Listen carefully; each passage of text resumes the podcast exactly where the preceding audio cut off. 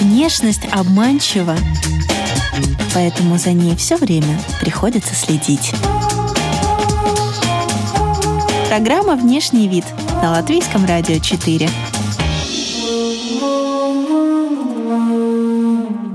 Здравствуйте, дамы и господа! Вы слушаете радиопрограмму на Латвийском радио 4 и подкаст о красоте и моде «Внешний вид». Здесь мы изучаем влияние внешнего вида на все сферы жизни героев, знакомимся с новыми трендами и отвечаем на такие вопросы, о которых вы раньше даже не задумывались. Приглашаем и вас присоединиться к этому интересному опыту. У микрофона Алиса Орлова. Далее в выпуске вы услышите я недавно ездила на Кубу и увидела, как люди, у них дефицит много чего, и они радуются просто жизни. Очень увлеклась фламенко и сальсу заодно. И танец живота я тоже пробовала. Вот я думаю, этот костюм буду использовать. Он очень красивый, такой бархатный, королевский, с таким золотом. Уметь себя вести надо когда на голове корона. И с нами сегодня латвийская певица, которую называют Gypsy Queen и балтийской Кармен Анна Дрибас. Здравствуйте. Здравствуйте. Es iemīlējos, es tavas gaišīs zilās acīs iemīlējos. Tu mani iedvesmo, tu esi laimes avots. Tu liec man justies it kā esmu saules gaismā spīd starp mums. Es iemīlējos, es tavas gaišīs zilās acīs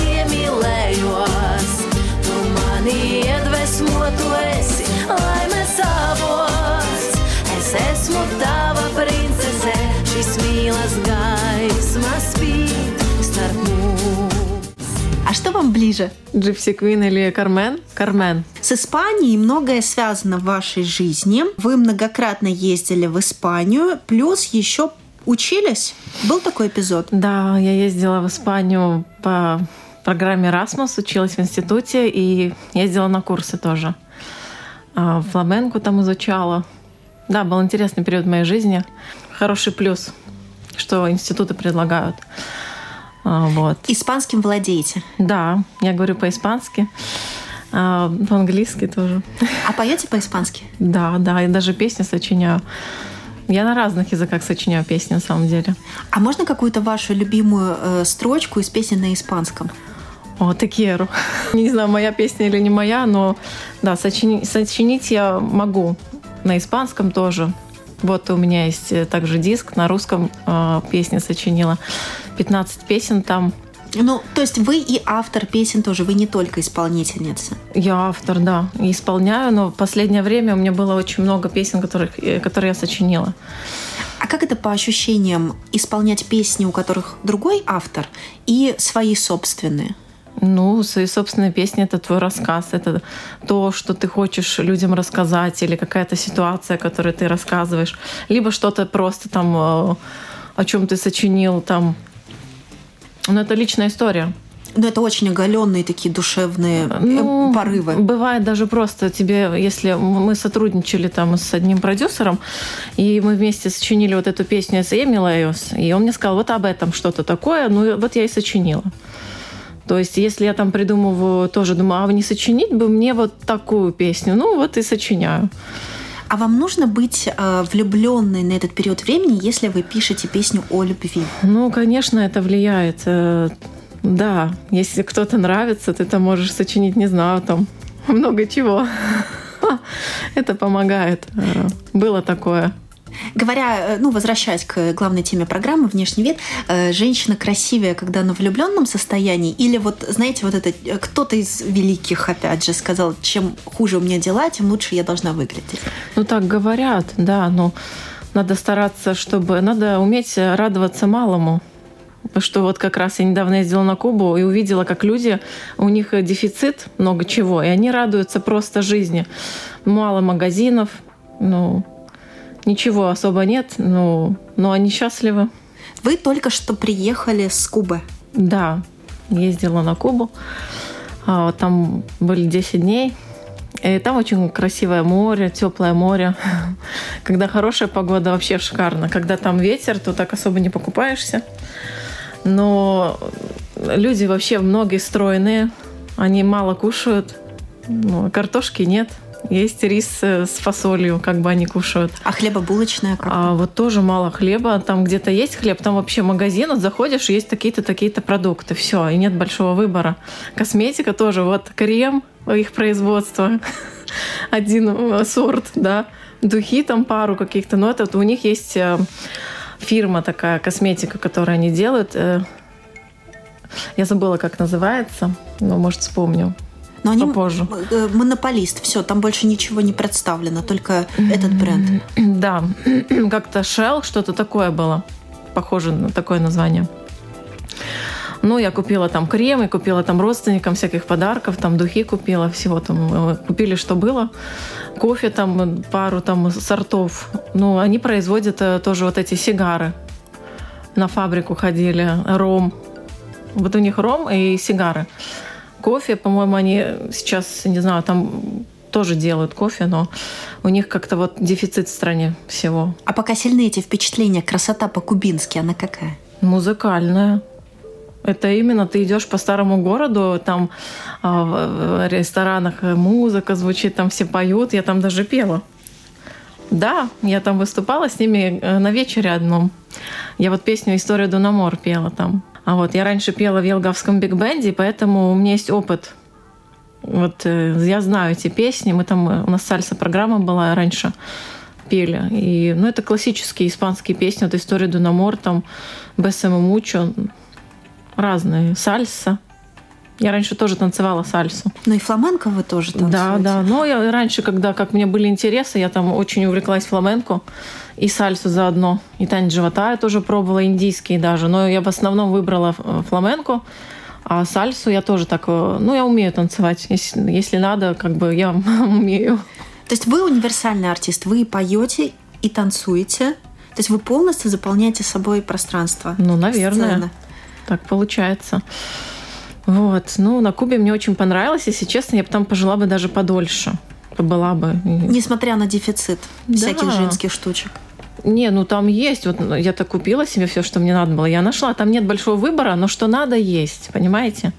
Необходимые вещи. Да. И это даже легче. Не надо так там э, огромный выбор, там нет огромного выбора, как у нас.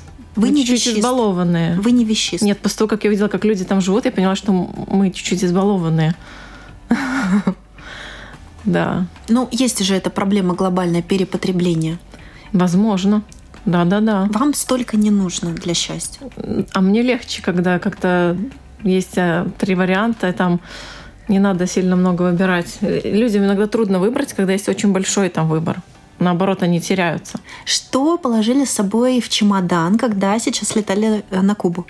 Ну, разную одежду, конечно же, летнюю.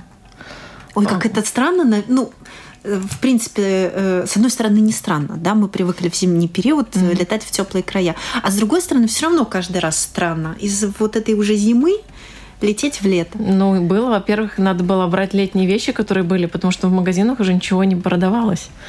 Я пошла искать какую-то одежду, не нашла что-то, нашла какие-то кофточки легкие. Там хотела купить что-то, но там не было магазинов. Там какие-то, я видела, там Прада даже был. Думаю, интересно, Прада на Кубе. Но один в центре магазин был. И, по-моему, там еще пара было магазинов. Было пару магазинов. Ну, одно платье я там купила, белое. Ну, смотрите, вы жили в Гранаде, э, в Севилье, сейчас побывали на Кубе. А, может быть, вы бывали в Греции, потому что насколько еще нет. еще нет, но у вас греческие корни. Да. А вот эта вот нотка джипси, она есть на самом деле? У меня был опыт э, работы с группой цыганской. Поэтому э, мы очень много пели вместе, и я очень увлекалась э, испанской музыкой, но как такового, как цыганских корней, может быть, есть. Но я не знаю. Это просто, может быть, больше как, как к музыке относилось, что джипси. Поэтому я чуть-чуть сидела джипси Квин, ну, потому что концерты так назывались. Это все была идея как бы человека, который хотел делать вот такие концерты. Ну а мы исполняли, я исполняла такую музыку, хорошо. И музыка такая соответствующая. Если мне нравится исполнять такую музыку,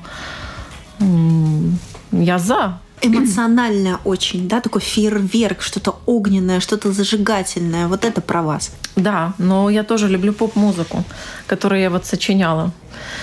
У меня есть э, диск моих песен. Кстати, играли на радио тоже эти песни. «Иллюзия», которую я сочинила. «Безусловная любовь». Вот. «Апельсин» моя песня. Безусловная любовь. Насколько это про вас вообще?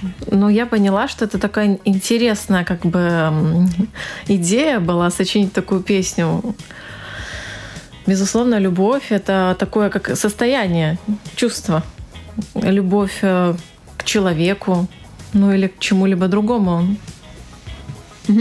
Но я а понимаю, что любовь, как бы, она безусловная, но все-таки какие-то должны быть там договоренности. Границы. Да, с человеком. Ваши личные границы какие?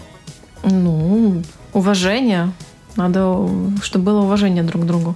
Тогда все будет хорошо. Анна, смотрите, у нас э, в программе есть такая мини-рубрика, она называется «Визитка». И в этой рубрике гость может себя презентовать так, как ему хочется, может рассказать о себе вот то, что считает нужным. Я закончила, у меня есть магистрский диплом предпринимателя, мое образование.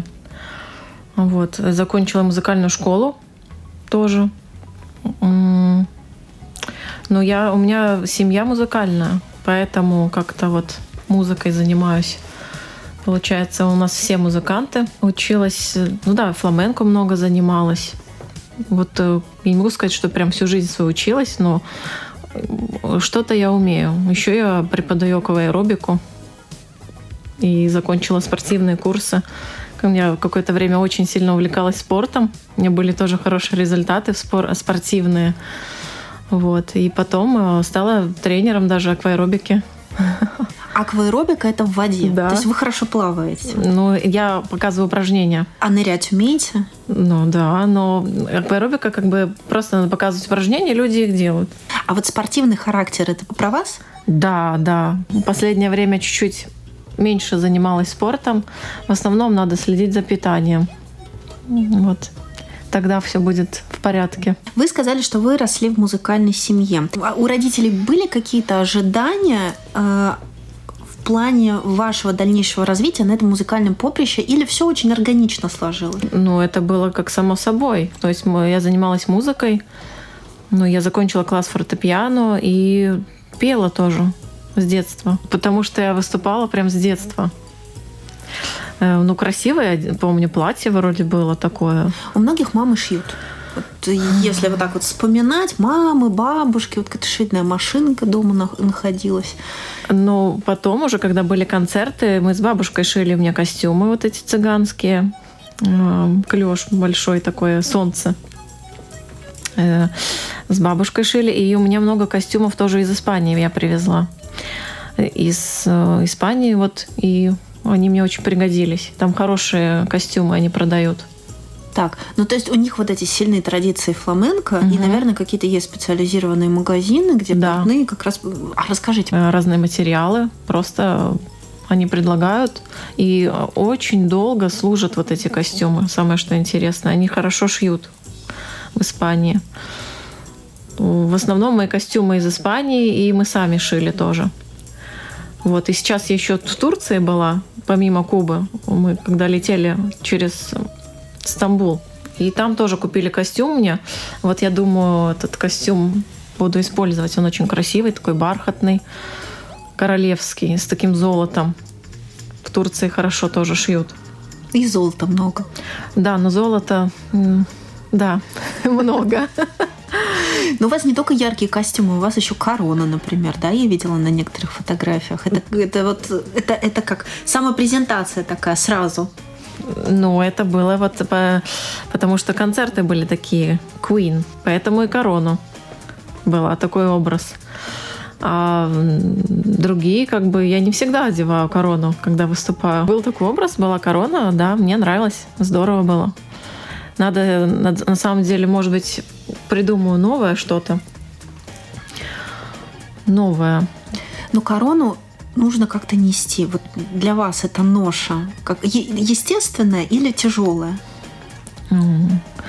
Ну, приятно так сказать. Когда человек э, такой интеллигентный, он никогда не будет унижать других.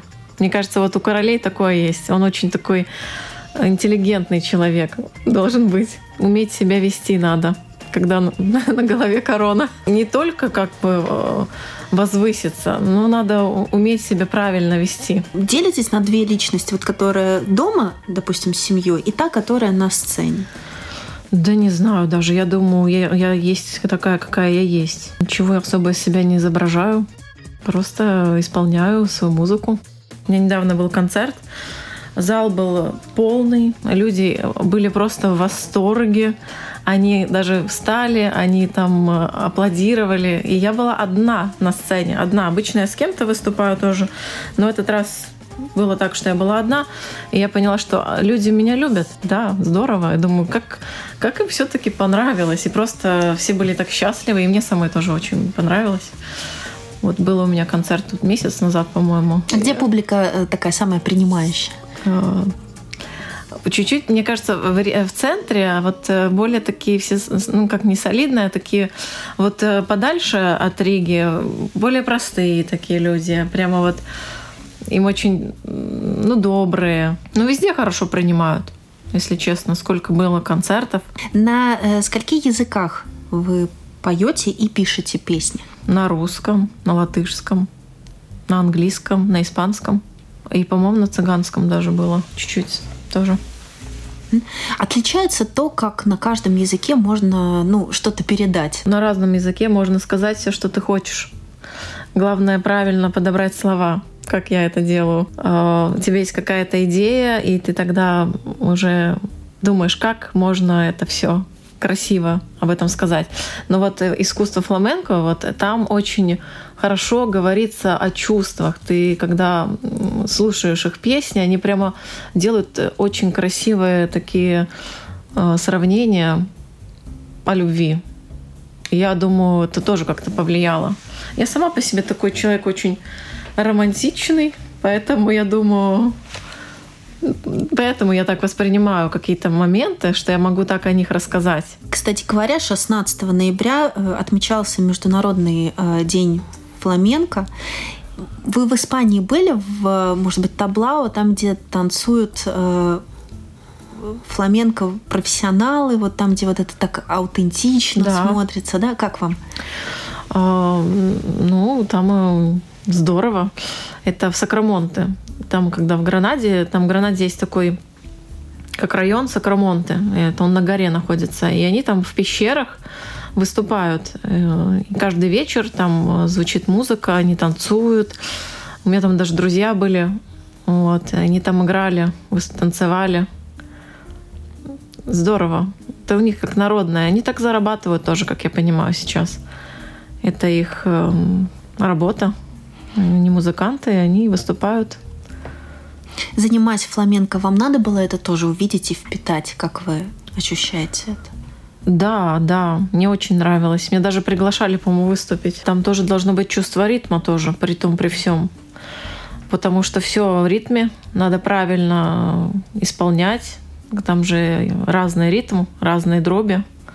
Конечно, давно уже не танцевала, но я все это помню. Пластика и, и чечетка. Что самое важное в э, сценическом образе, когда вот у тебя концерт, э, который длится, может быть, даже и, и несколько часов, или вот ожидание выступления, что важно для артиста? В сценическом удобная образе? Об... Да, может, удобная обувь. Должен быть красивый костюм твой, который, ну, красивый наряд. Обувь должна быть удобная, но если неудобная, что делать? Ну, придется одевать. Так, а вы за удобную или за красивую? Ну, красивая есть, но надо иногда потерпеть. Одеваешь и нормально. Но когда прям в тапочках же нельзя выступать. Хотя, может быть, и можно, смотря какая песня. Но у меня есть красивые туфли, которые я покупала в Севиле, кстати. Они недорого стоили, но они очень красивые. Я заметила, что в Испании недорогая обувь. Ну вот, а говоря про Турцию, вот сейчас вот вернулась из Турции, там очень много разных магазинов. А, а, в Стамбуле прямо город весь э, блестит И есть большой выбор, что можно купить. На самом деле просто надо выбирать. Вот, а на Кубе одеваются как просто, э, что, как я понимаю, легкая одежда. И я, они мне рассказывали, что у них есть какие-то как дом, куда, откуда люди привозят одежду из-за границы, и там частно продают. Таких как магазинов, как у нас, так как много шоурум. у них нет. Шоурум да. получается. Да, да но у них нет так много магазинов. У них есть какие-то места, где они могут купить одежду. А как вы поступаете с одеждой, которую больше не носите? Вы ее, может быть, отдаете куда-то или там относите на переработку? Как вы относитесь к этой всей истории sustainable fashion и zero waste? Бутылки, я знаю, из бутылок пластик делают одежду. Это, это, я думаю, хорошо, что люди этим занимаются. А свои вещи как-то особо я не выкидываю. У меня нет прямо так много-много вещей. Особо. Смогли бы расстаться со сценическим костюмом, который, ну, по каким-то причинам уже не можете на сцену надевать? Висят мои костюмы. Их много на самом деле. Что-то мы шили, и что-то мы еще покупали здесь в магазине в Риге. Есть хороший магазин одежды, платьев. Ну, это же эмоциональная ценность тоже, да? Вот в этом я вышла, меня так классно встретили. Ну как, как э, избавиться, даже если не могу больше носить, даже если уже не актуально? Ну, если, например, как-то размер уже не подходит, так надо чуть-чуть скинуть. Будет подходить. А какие есть лайфхаки? Так, можно как бы, да, скинуть, можно что-то там расширить или наоборот ушить. А, а, а что еще можно сделать с этими костюмами?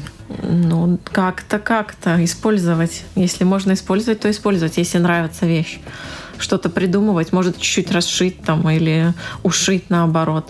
Но у меня такого не было. Мы шили костюм, я его носила. Потом заканчивались концерты. Если надо другой наряд, тогда мы другие наряды шили. Бывает, что в чем-то неудобно петь? Нет. Даже в корсете удобно. А хотя нет, было, но было, было дело. Там был какой-то давно у нас театр, и был корсет. Ну, нормально. Но бывает, если раз порвался вдруг, вот это смешно. А бывало такое? Раз и порвался. Ой, что делать? А как выйти из этой затруднительной ситуации достойно, с короной Нет, но если, например, за, не на сцене порвалась, а, например, за, за сценой, ну тогда надо что-то думать, быстро что-то одеть наверх и все, если времени уже нет. Так, а что-то а вы... там придумывать. Как, а что делать? Одевать другой костюм, если есть запасной. А Быстро. вы в этот момент одна или у вас есть э, какой-то помощник? Может быть, мама с вами э, ездит на гастроли? Нет, никого там, э, как бы какой-то помощник. Ну, если только танцовщица, когда одна, тогда одна. А расскажите про конкурсы. Их было много в вашей жизни, разные, и у вас там разные номинации, разные призовые места, разные титулы. Ну вот я участвовала в Окартес Академия. Это интересный опыт был. Мы там жили прямо как шоу. И жили там, и спали, и репетировали, и потом ехали на концерт. Реалити-шоу? Да, да, да. Это было здорово. А как под камерами жить? Ну, как шоу. Так и получается, потом уже привыкаешь. Что-то подписывали о неразглашении? Я не помню, если честно, уже. Это было ну, какое-то время обратно, но это был интересный опыт. Там все правда Здорово. или нужно было или был сценарий? Нет, ну вот я не знаю, про это можно говорить или нет, но не было никакого ну, как бы, сценария. Еще у меня был конкурс Латвия с э, Сирдзиесма. И там э, я как раз исполняла эту песню «Земилеос». И да, у меня тоже был хороший результат. Песня очень популярная у меня. Ну да, у меня было много конкурсов в детстве. И... Но последнее время как бы нет. Последнее время я как-то я сделала вот э, диск свой, и пока что вот думаю, может, что-то новое надо сочинять. А вот этот спортивный характер, как мы выяснили, он вас как-то вот толкает все время э, соревноваться с кем-то? Ну, я заметила, что у меня есть такое. Я люблю, когда есть такой дух соперничества. А, это как-то так тебя подталкивает на действие. Но при том, при всем, я не так, что вот э, обязательно хочу там, чтобы другому было плохо, а мне хорошо. Вот и у меня такого нет. Если я стараюсь э, другим помочь тоже. в любом случае. Не люблю как-то так э, обижать людей. Надо уметь договариваться. Вот когда к вам попадает песня или когда вы пишете песню, полный образ рождается сразу. Если тебе есть о чем сказать и рассказать, то можно, это, можно про это сочинить песню. И это очень красиво. И тогда образ и получается сразу же от этой песни. А потом уже, если надо как бы сделать сценический образ, тогда уже, исходя из того, какая песня, ты делаешь образ. Вы э, себя бы доверили стилисту, какому-то дизайнеру или хотите все-таки самой, самой заниматься своим внешним видом? Ну да, можно. А если кто-то будет диктовать вам, как выглядеть, вы готовы на такое согласиться? Но это же всегда обсуждается с человеком, которым ты что-то делаешь. Но у меня такого не было, что мне говорили обязательно как надо. Просто советовали в основном. Ну, как в моделинге бывает, для какой-то фотосессии взять и волосы отстричь, например. Вот насколько вы готовы к кардинальным переменам? Нет. Ну, у вас очень красивые длинные волосы. Да, Это спасибо. тоже часть имиджа, правильно? Какая-то визитная карточка. Ну нет, просто ухаживаю за волосами и все. А вот какая ваша визитная карточка э, образа? Просто моя музыка. Мои песни, которые я сочиняю, песни, которые э, люди любят и которые мне нравятся. Анна, у нас Блиц. Далее. Быстрые вопросы-ответы. Внешность обманчива, поэтому... Поэтому надо смотреть на характер. Если бы нужно было взять на необитаемый остров только одну вещь, то какую? Любимого человека. Это не вещь, ну ладно. Красота — это? Интеллигентность. В чем сила женщины? В женственности. Чья униформа нравится настолько, что смогли бы ради нее даже сменить профессию? Нет такой формы. Антитренд зимы. Нет такого антитренда. Я не думаю, что кто-то носит что-то такое, что надо снять. Нравитесь себе больше сейчас или в 18? Сейчас, потому что у меня есть больше жизненный опыт, больше чего сделано. И заключительный вопрос. Если внешность — это послание, то о чем ваше послание миру, о чем вы говорите своей внешностью? Ну, будьте собой. С вами была Анна Дрибас. Желаю всем хорошего настроения и счастья. Друзья, вы слушали радиопрограмму и подкаст о красоте и моде «Внешний вид». Спасибо гостю. А, если вам понравился этот выпуск, поставьте лайк. Мы есть на всех подкаст-платформах. У микрофона была Алиса Орлова. До новых тем, новых гостей, новых трендов, новых историй. До свидания.